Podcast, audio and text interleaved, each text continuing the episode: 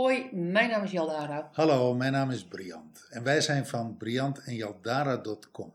Wij zijn relatie- en communicatiecoach in nieuw samengestelde gezinnen, waarbij een van de partners in een vechtscheiding zit of in een vechtscheiding heeft gezeten.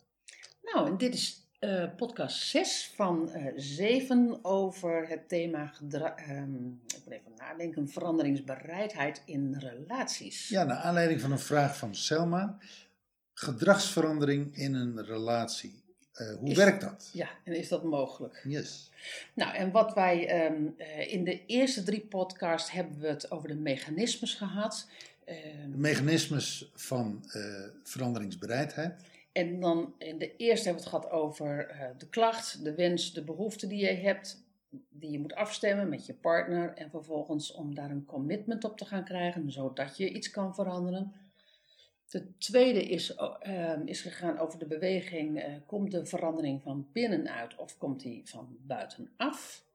En de derde gaat over fundamentele relatiewaarden zoals Veiligheid, onveiligheid, dragen en gedragen worden, open en gesloten en Afhankelijkheid en onafhankelijkheid. Ja. Precies. Nou, die blijven, eh, want we hebben al in podcast 4 het al over relaties gehad zonder kinderen. In podcast 5 ehm, over de veranderingen, ehm, veranderingsbereidheid binnen gezinnen.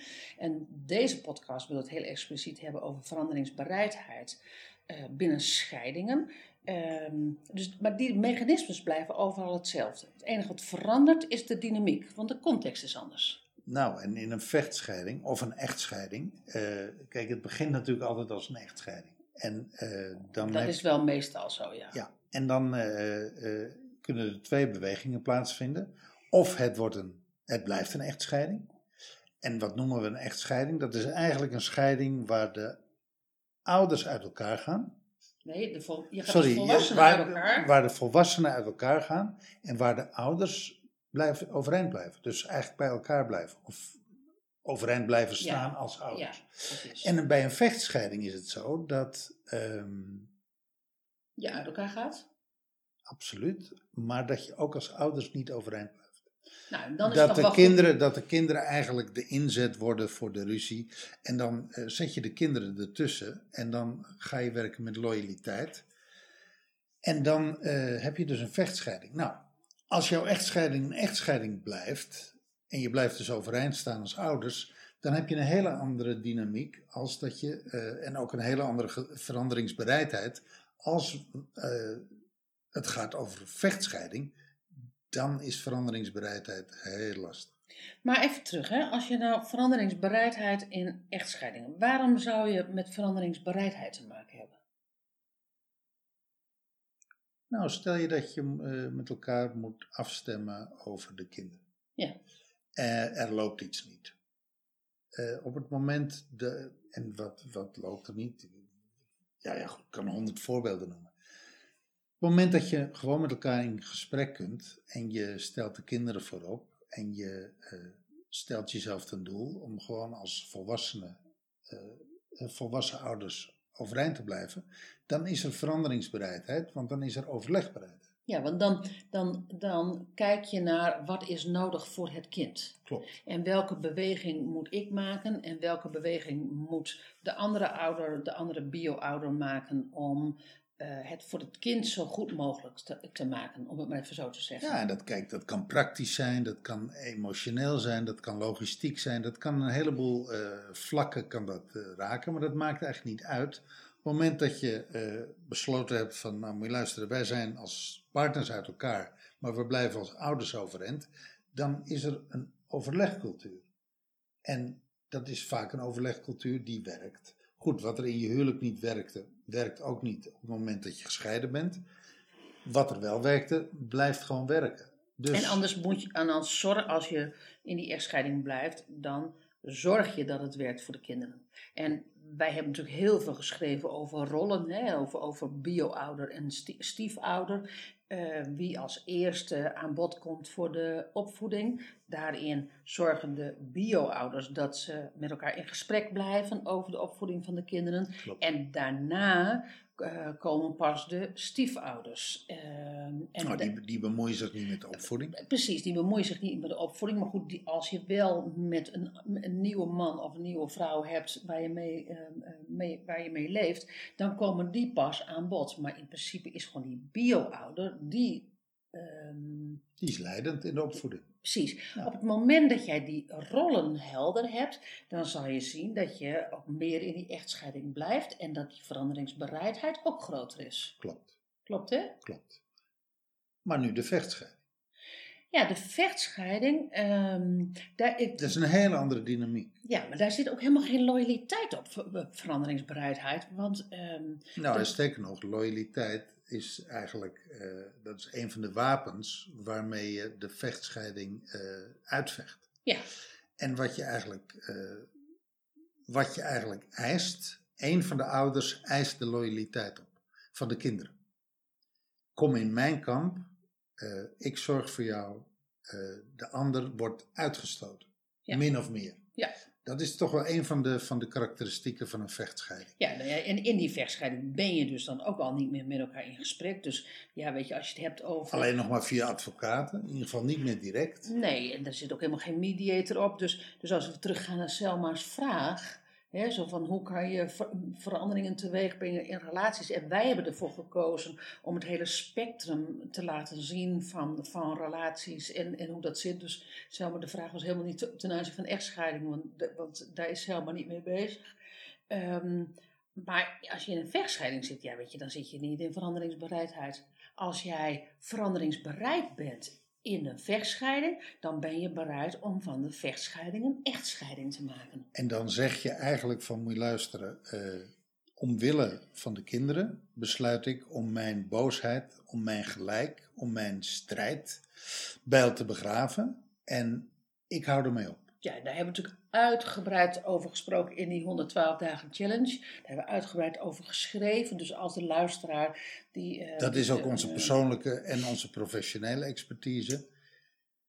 Ja, dus als je dat nog een keer wilt, wilt, wilt teruglezen en je, je luistert dit over een jaar en dan is het eh, 2016, dan denk je van die 112 dagen challenge, waar gaat het over? Wie is Selma en wie is deze vraag? Maar in ieder geval hoe je dus de beweging van een, van een echtscheiding naar een vechtscheiding maakt, hebben we beschreven. Maar we hebben hem ook andersom be- beschreven van wat je kan doen om van een vechtscheiding een echtscheiding te maken. Nou, en dan je- kom je direct ook weer meer in veranderingsbereidheid. En dat kun je allemaal terugvinden op onze website, briantenjaldara.com. En Precies. onder het kopje blog kun je eindeloos blogartikelen vinden over deze onderwerpen. Maar, maar wacht even, er is, er is, wel, er is nog wel iets. Ehm, als een van de mensen in een vechtscheiding, als een van die ouders, hè, van, de, van, de, van de partners in een vechtscheiding besluit, ik stap hieruit, ik stap Mhm. uit het gevecht Mhm. dan kom je bij persoonlijke veranderingsbereidheid. Ja, oh, dat is mooi, want dat, Dat- heb jij gedaan. Heb ik gedaan. Ja, Eh, ja. eh, dan Mooi. zeg je van, moet je luisteren, eh, ik heb de ander op dit moment niet nodig om zelf te veranderen. Ik kan een einde maken aan de strijd door niet meer mee te doen met die strijd. Ik kan een einde aan de strijd maken door te zeggen, ik ga vrede sluiten met mezelf, maar ik ga ook vrede sluiten met de ander.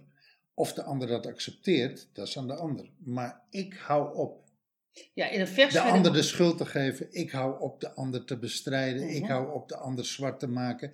Ik hou op de ander te vermoorden. In mijn hoofd, niet in werkelijkheid. Maar ik hou op eh, te strijden. ja, En op het moment ja. dat je dat doet, dan is er natuurlijk een enorme veranderingsbereidheid bij jouzelf. Gek genoeg. En Ja. dat, dat, dat werkt zo. Dat werkt ook zo in eh, eigenlijk in alle relaties. Op het moment dat jij bereid bent te veranderen en te bewegen, zul je zien dat de ander vroeg of laat gaat meebewegen. Ja, omdat er ergens, ehm, ik, wil, ik wilde nog even toevoegen, dit, dit heet binnen vechtscheiden heel vaak de, die, de, koninklijke, de koninklijke weg. Ehm, dat die met name vaders, dat die, er, die zeggen van nou weet je, ik, ehm, eh, ik hou op te vechten om mijn, om mijn kinderen ter wille van de kinderen. Ehm, dat was één ding wat ik wilde zeggen. Jouw laatste opmerking was, ging over de veranderingsbereidheid naar, je, naar jezelf. Ja. Ja, wat, oh ja, nu weet ik het weer.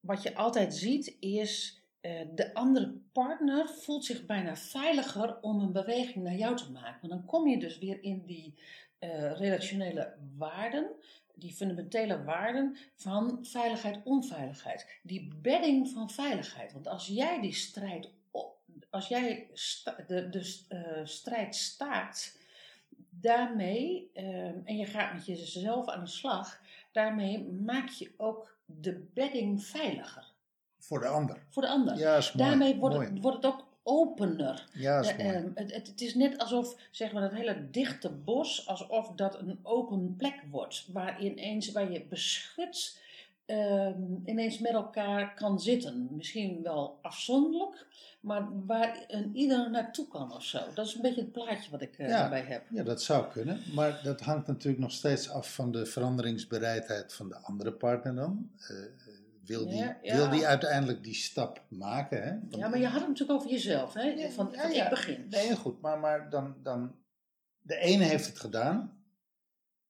Creëert daar inderdaad meer veiligheid mee. Maar dan is het nog steeds aan de ander. Wil die uiteindelijk en durft die en kan die die stap maken? Ja, maar de kinderen hebben nodig dat als een van de partners de strijd staakt, ehm, dat die ook de bedding zo veilig maakt dat als de kinderen uit de loyaliteit met de verzorgende ouders ehm, eh, breekt, dat die naar een veilige bedding kan. Ja, Daar ben ik echt van overtuigd. Ja, is mooi. En, ehm, eh, en waarin er ook openheid is over alles wat er niet heeft gewerkt. En over, over, over alle bagger die er gewoon maar is.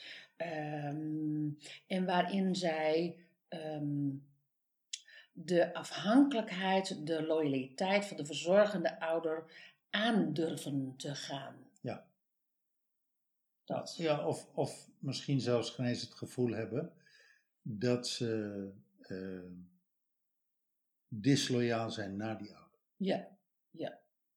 Misschien is dat nog wel belangrijk. Ja, ja, ja, ja, maar terwijl natuurlijk heel vaak van, van, van ehm echtscheidingski- vechtscheidingskinderen hoort dat ze toch wel ergens moeten breken. Ja, ja. Eh, al, is het, al is het alleen maar dat ze, nou weet je, dat ze moeten breken met, met alle shit die ze hebben meegemaakt en dat ze dat om willen zetten in het positieve.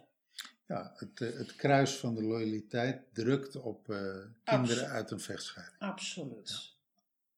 Oké, Nou, mooi. ja. Dit was nummer 6 van zeven podcasts over veranderingsbereidheid binnen relaties. En de laatste gaat over balans werk-privé. Dan halen we een klein stukje werk eh, erbij.